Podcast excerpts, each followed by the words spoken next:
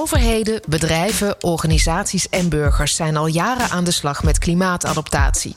De stresstesten zijn uitgevoerd, de kwetsbaarheden in beeld. 2020 is het jaar waarin overheden de volgende stap zetten, die van de risicodialogen.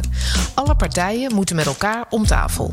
Maar hoe doe je dat in coronatijd? Hoe bespreek je risico's en kansen in een videovergadering?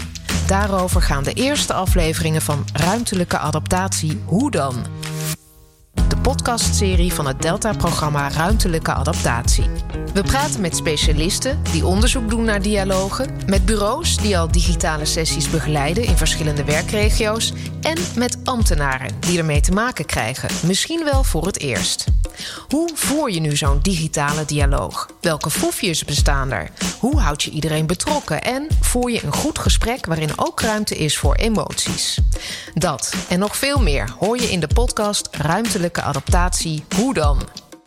De eerste afleveringen verschijnen in juni 2020, vol praktische tips over digitale dialogen. Van technologie tot governance en vertrouwen, we zitten er bovenop.